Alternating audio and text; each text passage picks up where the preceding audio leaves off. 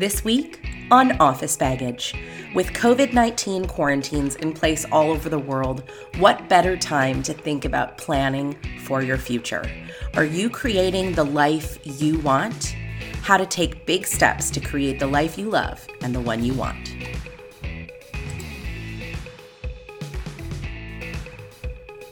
Hello, Office Baggage listeners.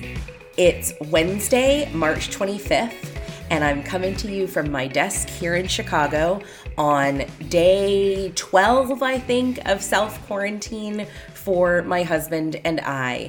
I kicked Charlie out to walk the dog for a little bit so I could get some work done. Thank God for puppy kindergarten being open or puppy daycare, I suppose, uh, being open this week. We've dropped her off this week and last a couple of days to really get some work done. But the shout out I want to give on the beginning of this podcast as I introduce our guest uh, without my my dear dear friend Ray is to Ray specifically, but moms in general, uh, parents in general, fathers in general, mothers in general. You guys are doing so much incredible work during this quarantine, during this chaos, having kids at home working your full time jobs, handling everything that's coming your way. I know how difficult it is. I can sympathize, but I can't empathize because I'm not a mother. So I didn't want to pile on anything else onto Ray's plate this week by making her jump on and do a podcast intro. So I hope you'll excuse that she's not here with me. But I do want to read you a couple of text messages she sent me this morning because, you know, when she's not here, you get to hear my voice. You don't get to hear her soothing voice, but I hope her text messages can give you some of her incredible humor. Um, she sent me a series of text messages, and one of which said, quote, I am dressed 100% like the Big Lebowski today, and if I'm not drinking a white Russian by noon, it will be a fucking miracle unquote. Yes, Ray, it will. Drink that white Russian. All moms drink whatever you need to drink this week. And then I got another text from her later. She said, quote, I work from 5 a.m. until 10 p.m. every night, switching back and forth between work, checking kids' assignments, supervising assignments, making meals, breaking up fights. It's constant. No room even to pee. I'm exhausted. Unquote. Ray, sending you a big hug, sending you some love. Hopefully, you've got that drink in your hand. And I hope that for all the mothers who are listening to the podcast, and really for all of you who are listening to the podcast, I hope that podcasts have been a respite during this time. Maybe you can get outside and go for a walk and put your earbuds in your ear and just listen and get out of your own head for a little while and go somewhere new. So that's what we're doing today. I am so incredibly excited for you to hear the interview that I did with my friend, my colleague, my mentor, Christine Bader. Christine is the co founder of an incredible new platform called The Life I Want, a storytelling project with her business partner, Eva, they are reimagining a future of work that works for all of us. Christine has an incredible background. She is a coach, a facilitator, a writer, a consultant, a speaker with two TED Talks under her belt. And her sweet spot is the messy intersection between business and society. And for those of you who know what I do and have heard me talk about corporate responsibility and sustainability and the work I do in ESG every day as a consultant right now and as a, a corporate leader in, in my past, Christine has a, a very similar background. She graduated from her MBA at Yale, went on to work for BP, worked as a business and human rights representative at BP throughout uh, the beginning of her career after her MBA and eventually left BP to go to the United Nations. She talks a little bit about that in the interview and then wrote the book, The Evolution of the Corporate Idealist When Girl Meets Oil. It's an incredible book. I highly recommend anyone in the corporate sector or really anyone looking to make a difference in society read it. It's not her only incredible writing. She's appeared in the New York Times, The Atlantic, Fast Company, Harvard Business Review. And again, I got to mention it twice because it's so important two TED Talks, both of which I will link in the show notes. We're talking to Christine, I'm talking to Christine about her trajectory of her career, where she's going now, and some of the really big decisions she's made for herself, her family, and our planet over the last few years. She's an incredible leader, she's a mentor of mine. I know you will love hearing her as well. So stay tuned. Here she is, Christine Bader.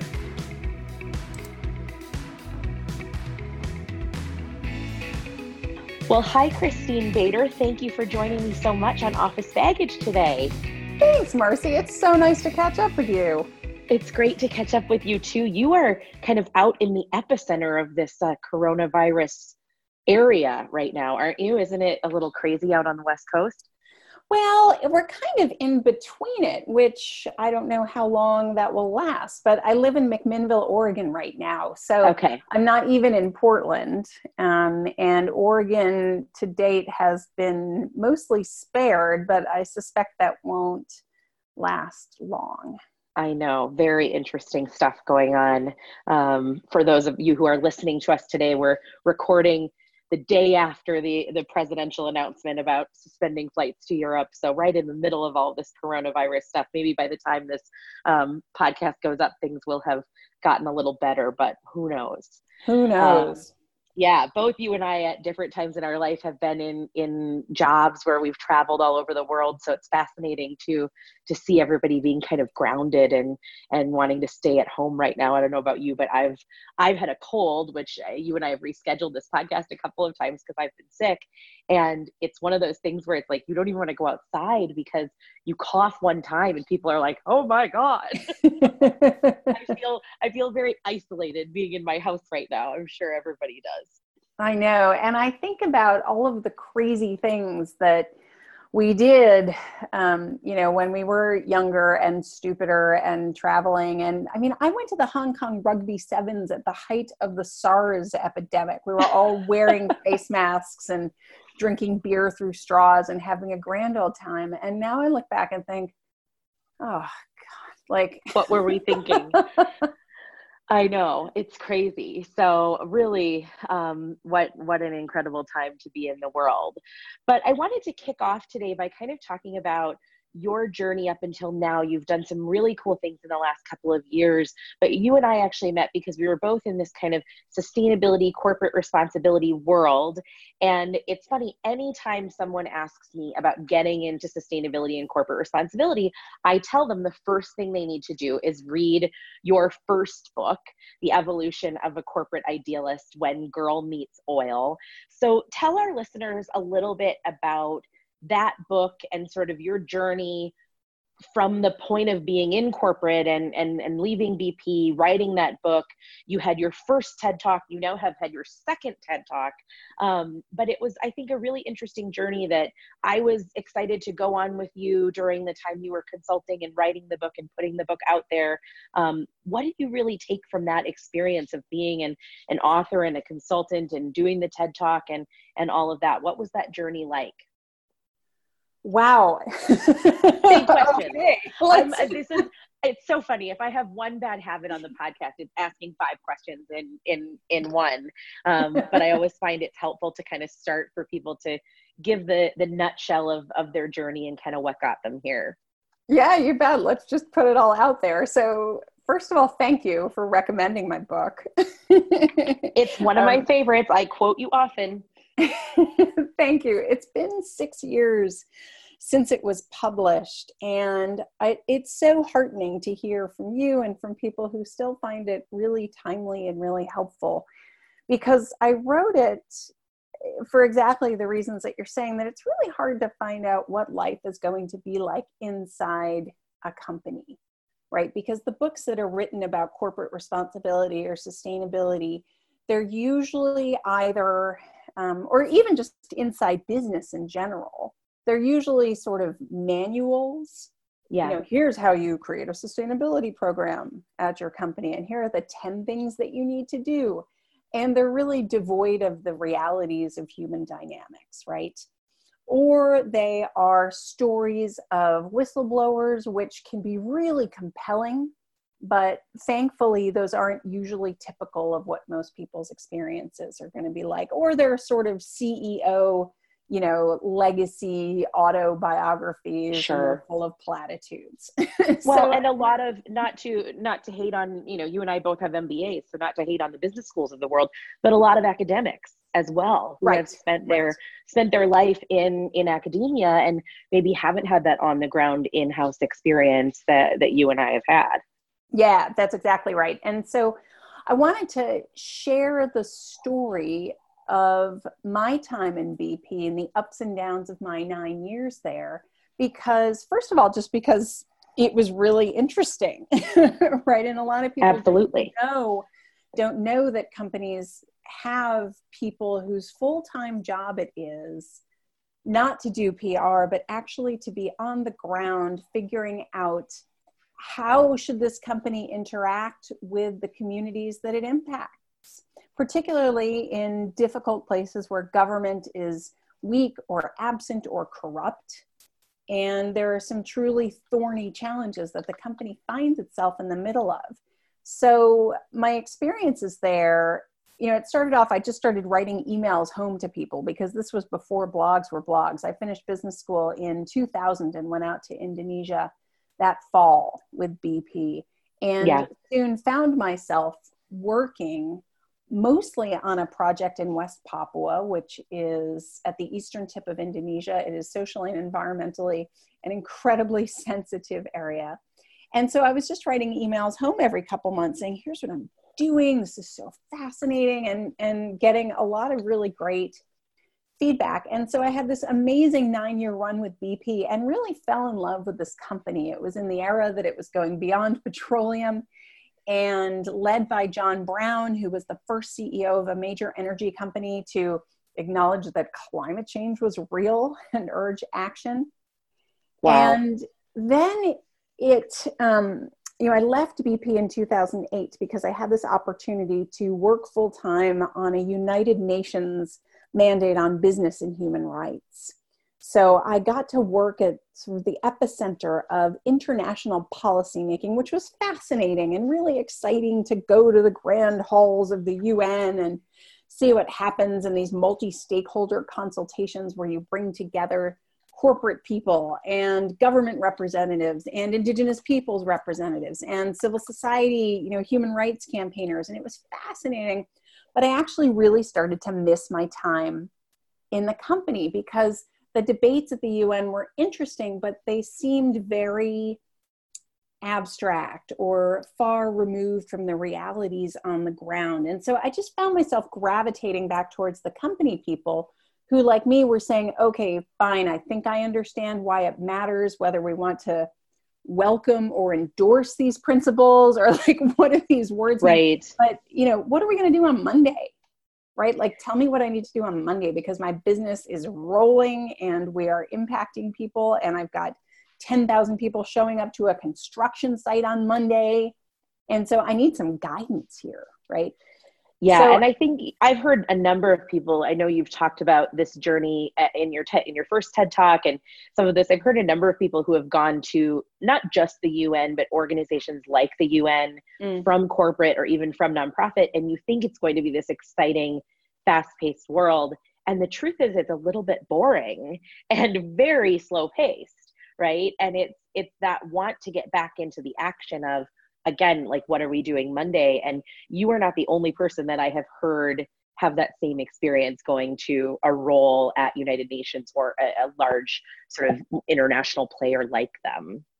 Yeah and i think i want to clarify that it's not i mean it, it is it is boring to in some ways um, on a on a sort of superficial level but i get it. I i get why it has to be so bureaucratic and it could because it's the only forum where a country like the Maldives has the same 12 minutes to speak as the United States.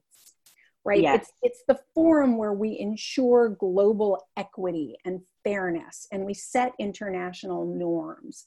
So I really came to appreciate it, but for me, it was more about you know where what's my role here right like how do i want to be spending my time right? right? And Marcy, this is something that you and I have talked about a lot over the years of like, where am I best placed given my skills and the way that I want to, you know, spend my time? Right. I saw and, people who were so good at the politics and the semantics and so good at it. And I was like, well, bless them. like, because yes. somebody needs to be, and it's not me and i think it's where is where are my skills most apt at this moment too? Yes, it might yes. be that you're better in one place than another. And it's interesting you and i talked about this um, i had brought you into my former company when to talk to some of our executives and i remember you saying to me at that time you had written the book i think you were probably a year or so out from your you know, sort of speaking tour and, and all of those kinds of things and you were kind of looking at going back in house going is this the right thing? How should i do it? Should i not and you eventually ended up back in an in-house role at amazon.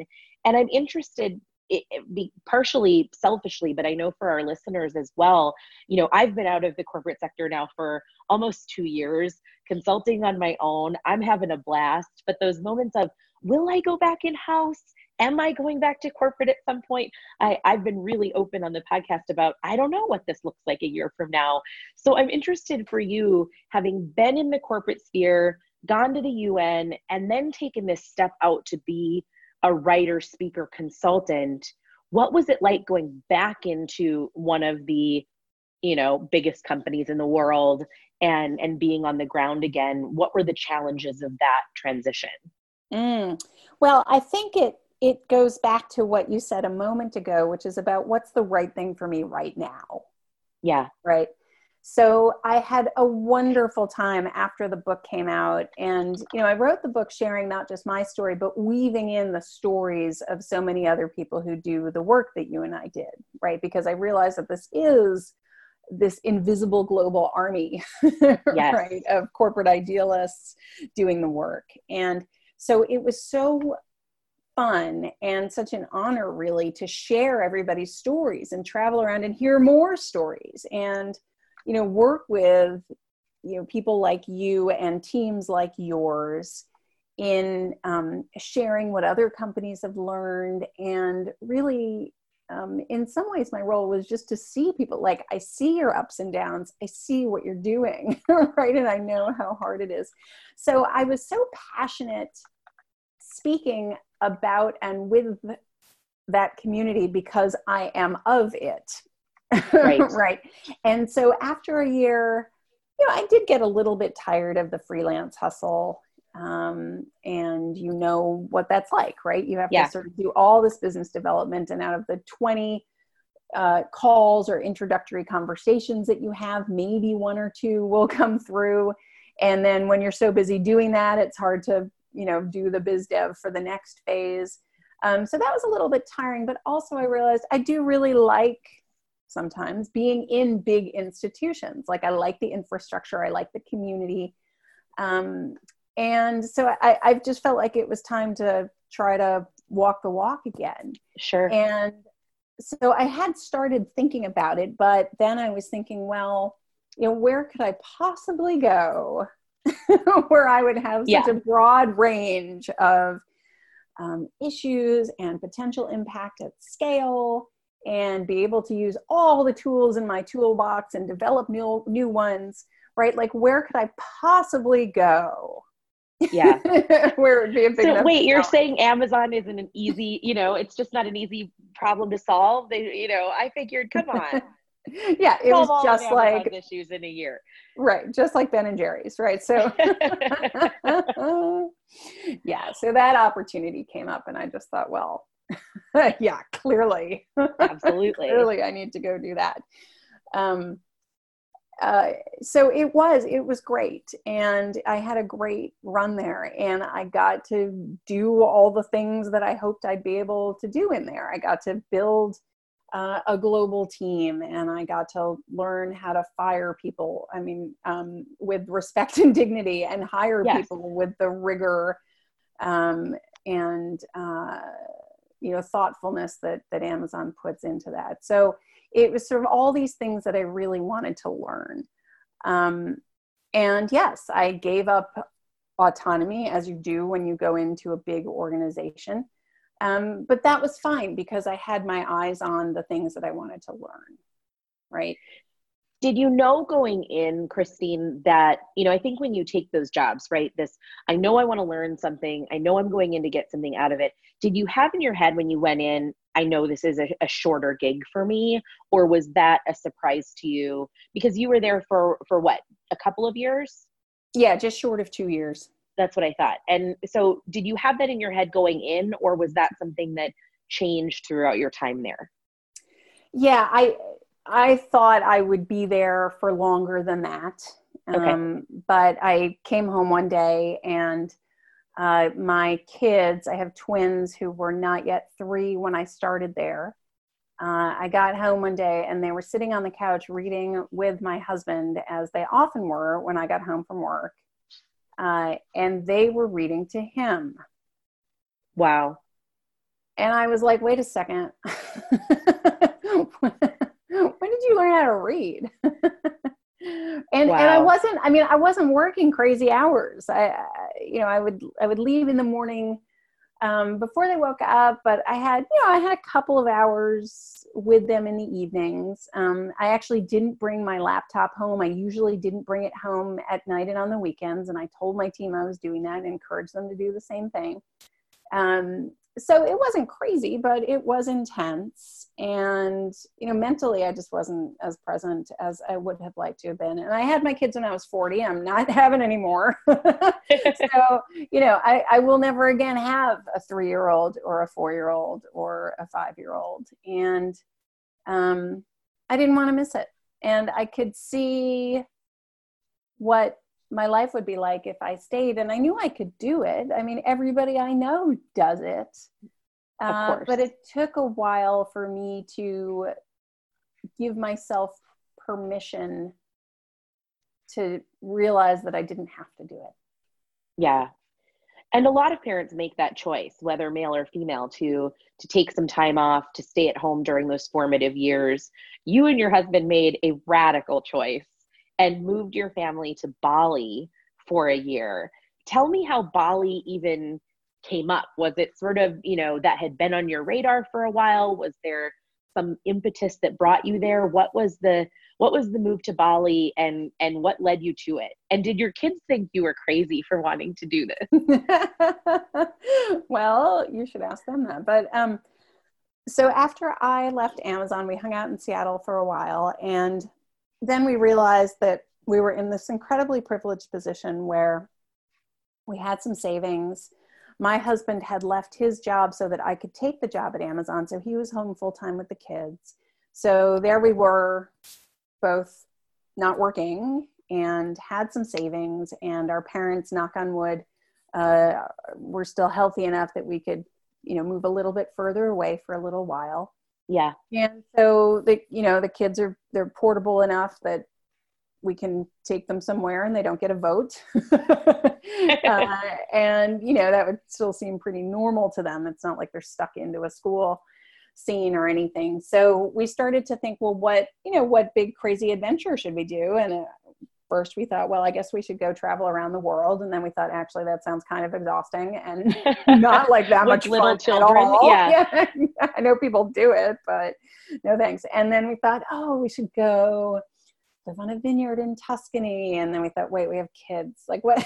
what would we do with the kids? And how sure. would we meet people? What kind of a community would we be able to slot into? And so we really just couldn't figure out how to put all the pieces together. Um, and then we thought, well, maybe we'll just move back to New York because we love New York and we miss it. And then we were just talking with some friends, and one of them mentioned in passing, oh, I was just reading about this school called like the Bamboo School, and it's in Asia somewhere. And so we Googled, you know, bamboo school, Asia. And it's, did you mean the green school in Bali? and wow. so we looked up this school and, um, you know, I had lived in Jakarta with BP in, uh, you know, at, starting in 2000 for a couple of years. Mm-hmm. And so I had these sort of hazy, rosy memories of Bali and thought that it would be a place where we could you know afford not to work for a little while and where we would want to be without working for a little while and then the green school seemed to be um, you know this nice kind of prepackaged experience where we would have a community a really interesting yeah. community of people there and it would be all about sustainability so also an opportunity to think about sustainability not just as corporate policies and practices which is what you know i'd done for 20 years but uh, as a way of life, right? And what does it mean to really embed it in K through 12 education, and what does it mean for that community? So that just seemed like the right thing to do at that moment. So we did it. How long was it between when somebody had said, "Have you heard about this school?" and when you, you know, booked the tickets, said we're going?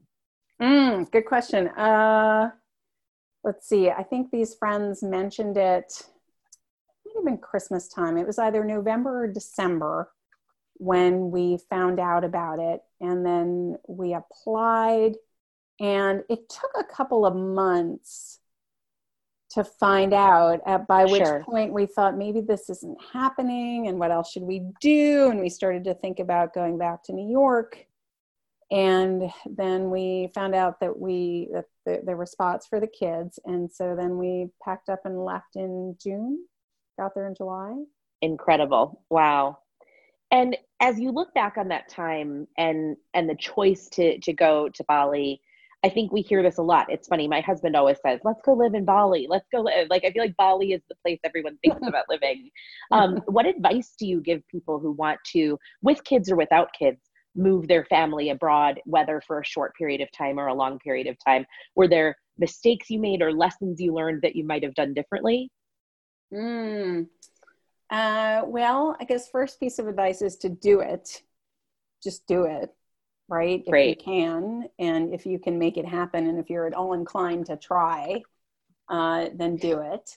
Um, I guess second piece of advice is probably to stay off of Instagram because it, it makes it all look incredibly easy and glamorous. And uh, we got there, and again, my um, uh, hazy memories from being there as a single person when I was 30 and playing ultimate frisbee in Jakarta and then zipping off to Bali for these really fun party weekends um, was not the same experience as trying to live there with twin six year olds. So yeah.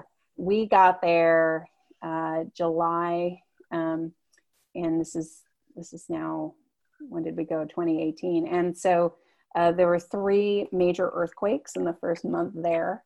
Oh, um, oh my! Which was uh, uh, physically and psychologically unsettling. Yeah. Um, and you know, we landed when we arrived at the airport, and um, you know, we booked an Airbnb, and so uh, you know, somebody came to pick us up. And we get in the car, and we get out onto the road, and we are immediately surrounded by motorbikes which um, you know any of you listen, who've traveled in Southeast Asia know that that is um, pretty normal, uh, yep. but it is not normal for Seattle. And so, so I'd kind of forgotten this, right? Yes. surrounded by motorbikes and you know afflicted by jet lag, and we're like, oh my god, what have we done? um, and so it, you know, it was hard, and I think the the health risks of um, rabies and dengue and um, you know no potable tap water uh, and then the dichotomies of that versus this very high-end tourist industry where you can mm-hmm. get an mm-hmm. amazing latte and really high-end co- cocktails but you know you can't drink the tap water it was fascinating it um, it was definitely the family adventure we were looking for yeah what a uh, juxtaposition of those yes eh, really interesting. Wow. Yeah, and so that that was highlighted at the school. I mean, the challenges of uh, building an international private school in a developing country that was fraught um, with all sorts of complexities and the ironies of a destination green school where everybody has to fly in from all over the world and then leave every 60 days because we're on tourist visas. Um, you know, it's just incredibly complicated. And we made some amazing friends there and really are part of this global community who are grappling with all of these sorts of issues. Um, it was it was an amazing experience, and and there were lots of other dimensions of it that were very worthwhile too. Of living out of a suitcase for a year, we each packed sure. one suitcase and um, came back with even less because the kids outgrew their stuff and some of it you know molded and disintegrated. But also just being in a place where there's no Black Friday, you can't just tap on your phone and buy stuff. Like we kept a running mental list of all this crap we would have bought yeah if it were easy to buy stuff right and we just didn't and we were living among people who were much more um, resourceful in making use of what they had and there was no garbage or recycling infrastructure so we really saw the impacts of single use plastic and of consumer waste um, so it was really profound uh, for lots of reasons. So it was a pretty amazing thing to do and seems a little bit like a dream now sitting here in Oregon. Has it done, you know, when you come back, then do you find yourself falling right back into those patterns or has it really, do you feel like it's done its job in making your family really aware of, hyper aware of those things like waste and, and all of that today as you maybe weren't a few years ago? yeah knowing that your family is probably hyper aware to begin with because of the industry that we work in but um, I, am just interested in how how it was coming back to you know the amazon prime world we live in yeah it's been really hard i mean we are we are hyper conscious of everything that we buy and touch and do um, and and how much harder it is so we have not renewed our Amazon memberships and we are um, really trying to be very deliberate about everything that we buy. Um, and so here in the town where I'm in, there are lots of um, consignment shops and thrift shops. And so we buy as much as we can there. Um, we're really conscious about um, packaging and trying to buy things with minimal packaging. Mm-hmm. And but with the kids it's that's probably the most fascinating and most challenging because you see we walk into a store and we just we just didn't walk into stores in bali because you know yeah. not a lot of shopping to do. Um, i mean there was but not in the areas where we were living. And and you know their eyes are light up and they just want this and this and this and this and this. And um, but we've had some really great conversations with them about what they now call Chinese plastic junk, and um, they just I love it their birthday parties, and they um, uh, you know Claire, my daughter, wrote "No presents necessary" on her invitation, and Alexander couldn't quite get there, but he wrote "Secondhand presents only, please." On his oh. and they still um, they make presents for their friends out of like recycling which for now is still really sweet and i hope um, can t- like at some point it's going to turn but for now it's still really adorable. So oh, it, it's a so challenge sweet. though. It's a real challenge coming back here but we are hyper conscious and and really try to talk with our kids um, as much as we can about it. That's great. It's really terrific so, as you've come back, you've now started a, a new platform um, called The Life I Want, a future of work that works for all um, with your friend and colleague, Eva. So, tell our listeners about the Life I Want platform and how it started. Sure. So, after I left Amazon, um, one of the things that I did to occupy my time and my energy is, is signing up for the Big Sur Marathon. And so I was training for that and uh, a couple weeks before i had to pull out because my left IT band was killing me and i knew that there was no way i was going to be able to run it but i couldn't let myself quit. And so yeah. i was googling like when do you quit training for a marathon? And of course all the blogs were like here's how to push through and beat the pain right and cross that finish line. And finally i was like oh man like nobody is going to give me permission to quit but me and i clearly have to and then I realized, whoa, that's kind of like what just happened with that job I'd been working towards for 20 years. right? Yeah.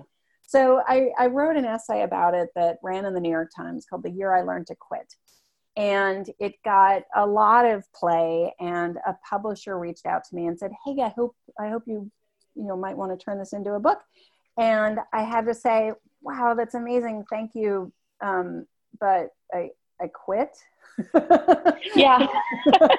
You're like, I, it's kind of the antithesis of what this is about. Yeah. yeah, I don't want to write another book right now, but thank you so much.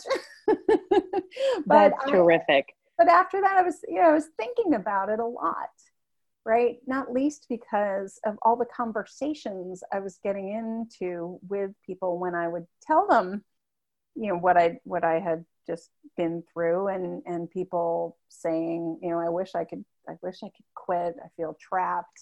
Yeah. Uh, oh, my friend just quit. That's amazing. And um, you know, and then it was my 25th college reunion, and there was a panel um, that I spoke on of uh, what do we call it? It was like quitting or winning by quitting, you know, starting by losing or something. And so, so the conversations kept following me. And so in yeah. Bali, you know, Bali invites the sort of navel gazing um, that Eat, Pray, Love, uh, uh, you know, kind of spelled out for everybody to do there. And so while I was there, I reconnected with my friend Eva Dienel, and she and I had gotten to know each other through BSR, um, which many of your listeners will know as Business for Social Responsibility. Mm-hmm. And um, she had moved to Australia with her husband and their boy girl twins a few years earlier to pursue their family dream of running their wine business.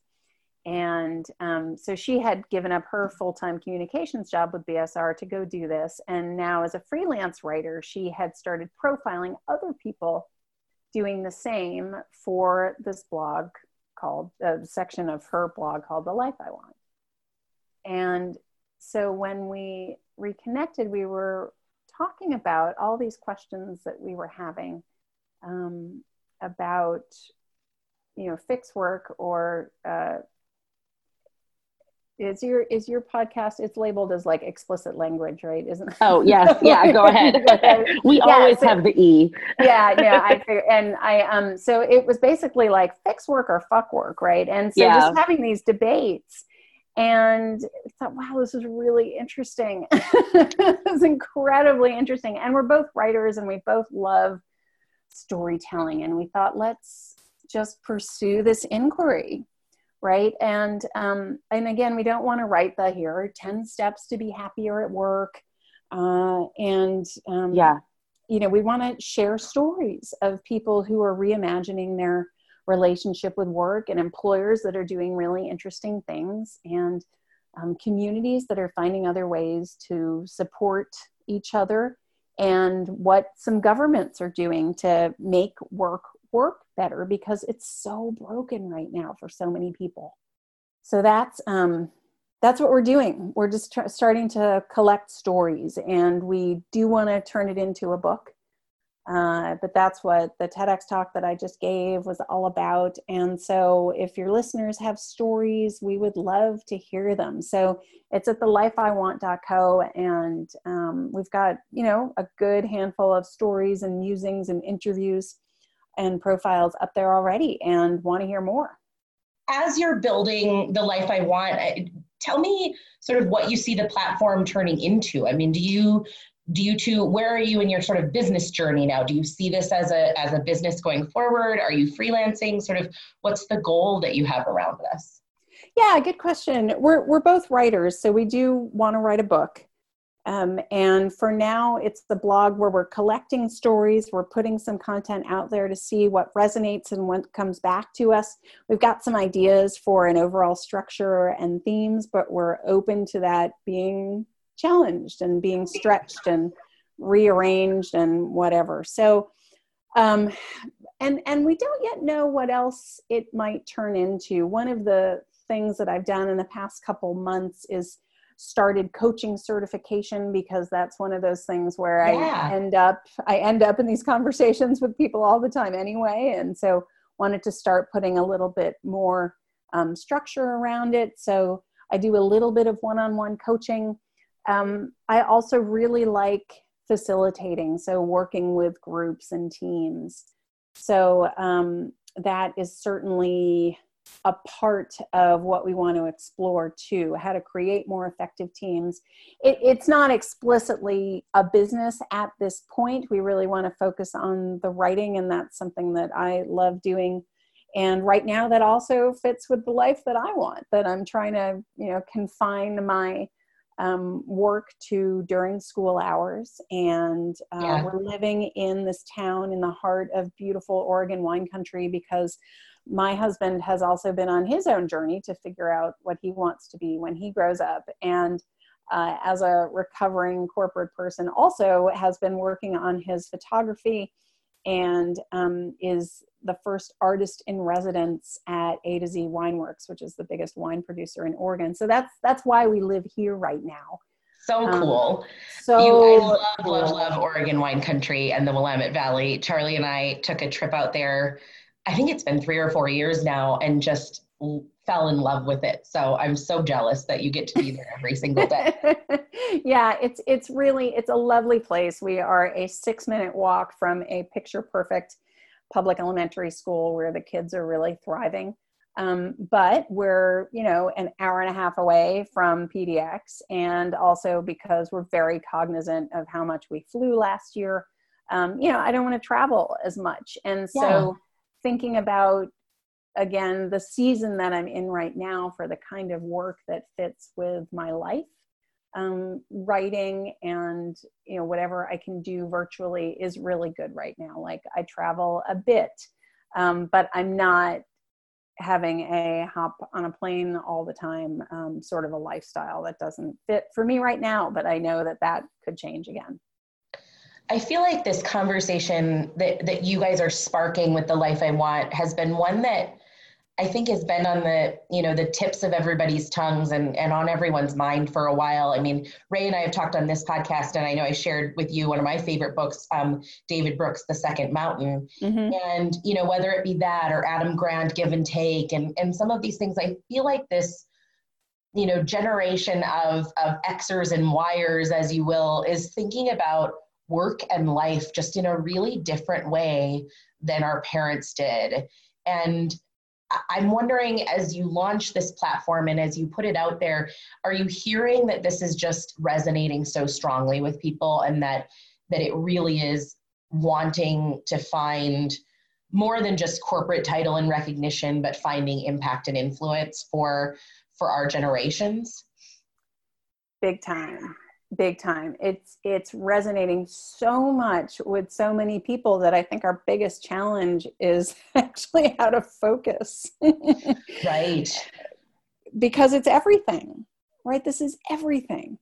And one of the real ahas for me though in the past couple months has been again it started with these debates that eva and i were having about like fix work or fuck work right? And so right. because because for a little while I was really in the fuck work category because again I had this job that I'd been working towards forever and and there were parts of it that were great but it it just really didn't work uh, mm-hmm. uh, for my life right now and um and seeing that work just doesn't work for so many people um, and how much power we give it right and um, and Eva was more in kind of the fix work category, but mm-hmm. I think through some of the interviews that that we've done that'll that'll go up on the blog in the coming weeks and months, I, I actually have and, and just thinking about my own journey, I, I'm not really in the fuck work category anymore because I do understand that work is a way for people to find their place in the world. And for me, writing and whatever other combination of coaching and facilitating um, you know that is how i want to use my skills and my experience and my expertise to serve.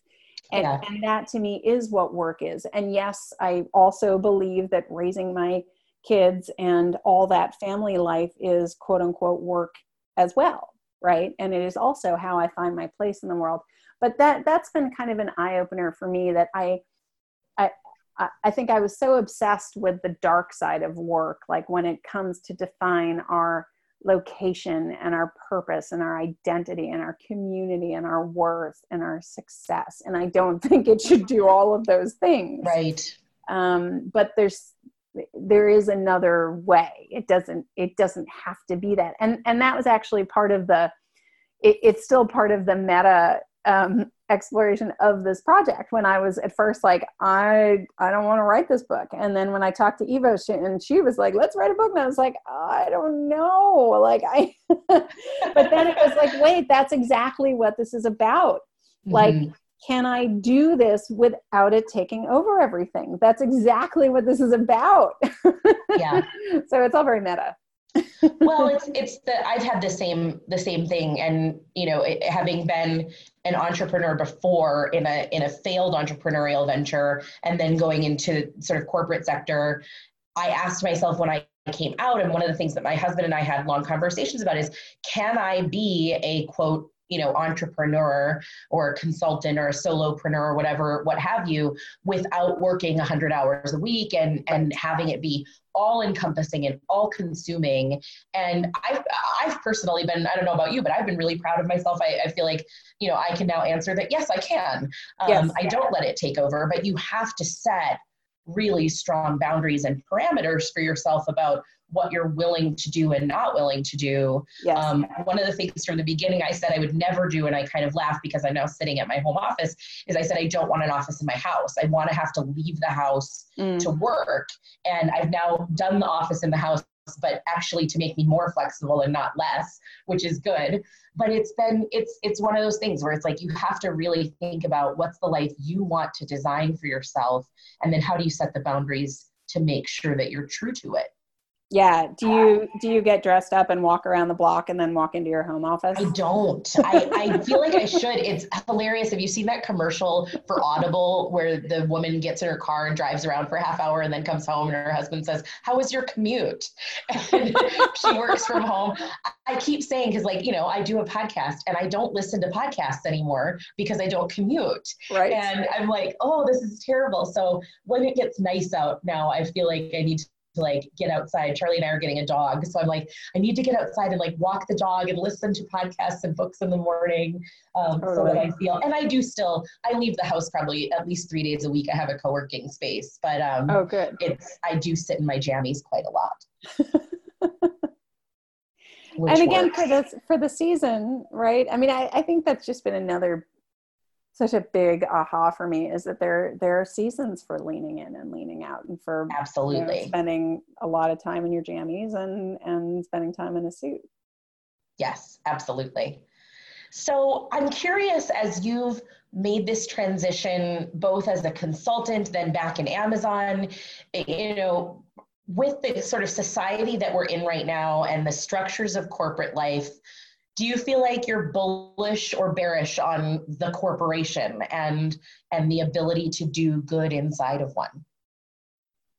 Oh this is like the million dollar question. I, i'm asking question. myself this question unsuccessfully so part of it is i don't know what my answer is either. Yeah so oh, um, um, the way I'll answer it is indirectly, which is to say, which is to say that I'm working on a second edition of my book right now um, yes. which is really fun because I am catching up with everybody who was in the book and hearing their journeys in the you know six seven eight years since i spoke with them. And i actually think that that's part of what is going to give me the answer.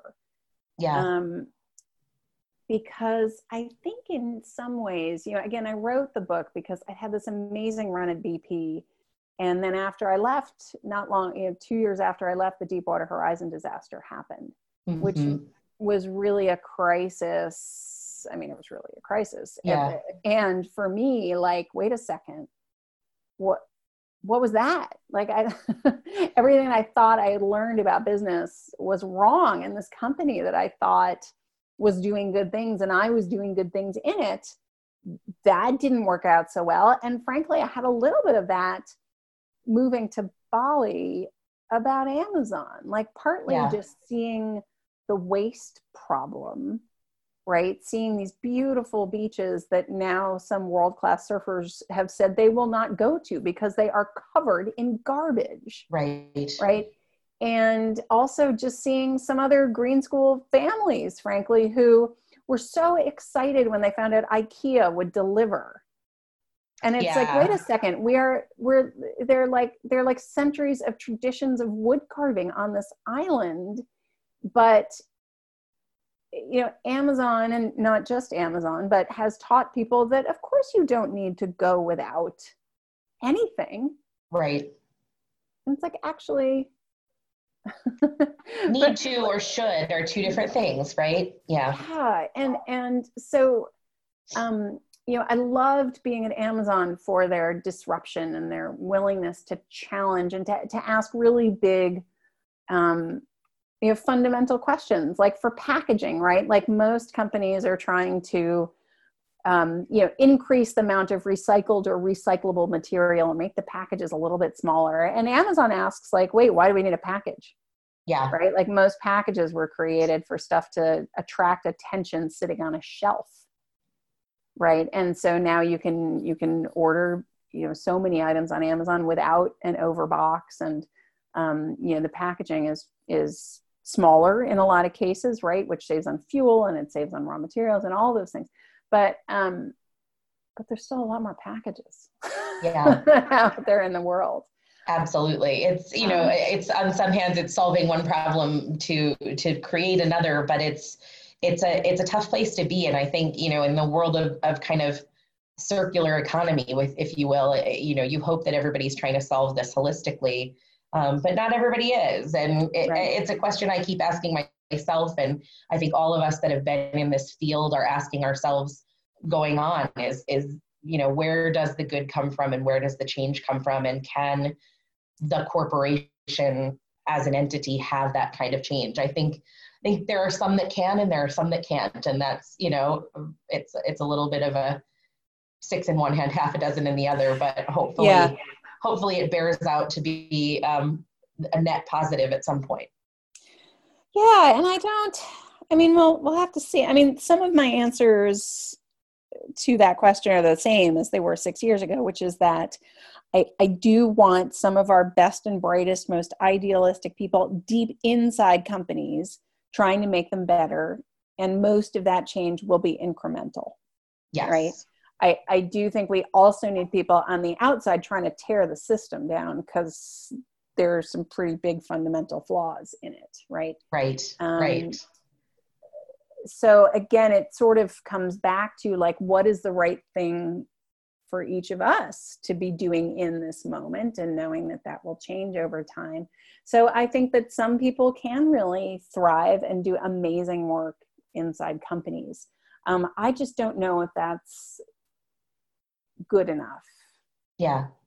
Well, and again, it goes back to what we were talking about earlier. It's what is the most impact you can have for yourself at this period in your life. Yes. And that might be different in different eras of your your life on this earth and it that's okay you know? And i think those are those are interesting places to be of what's your impact today and that impact might be different than what it will be five years from now or 10 years from now.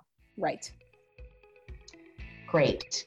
Well, I am so glad that you were able to join us. I am going to link in our show notes um, your previous book, um, your New York Times article, The Life I Want, and then, of course, we will share um, your most recent TED Talk. And we look forward to sharing the second edition of, of your book as well when it comes out. So, thank you so much, Christine, for joining me on the podcast. And I look forward to all of our listeners getting to know you and following as the life I want grows and as your journey continues. Marcy, thank you. I love what you and Ray are doing with this podcast. It's super fun and it's an honor to be part of it. So thank you. Awesome.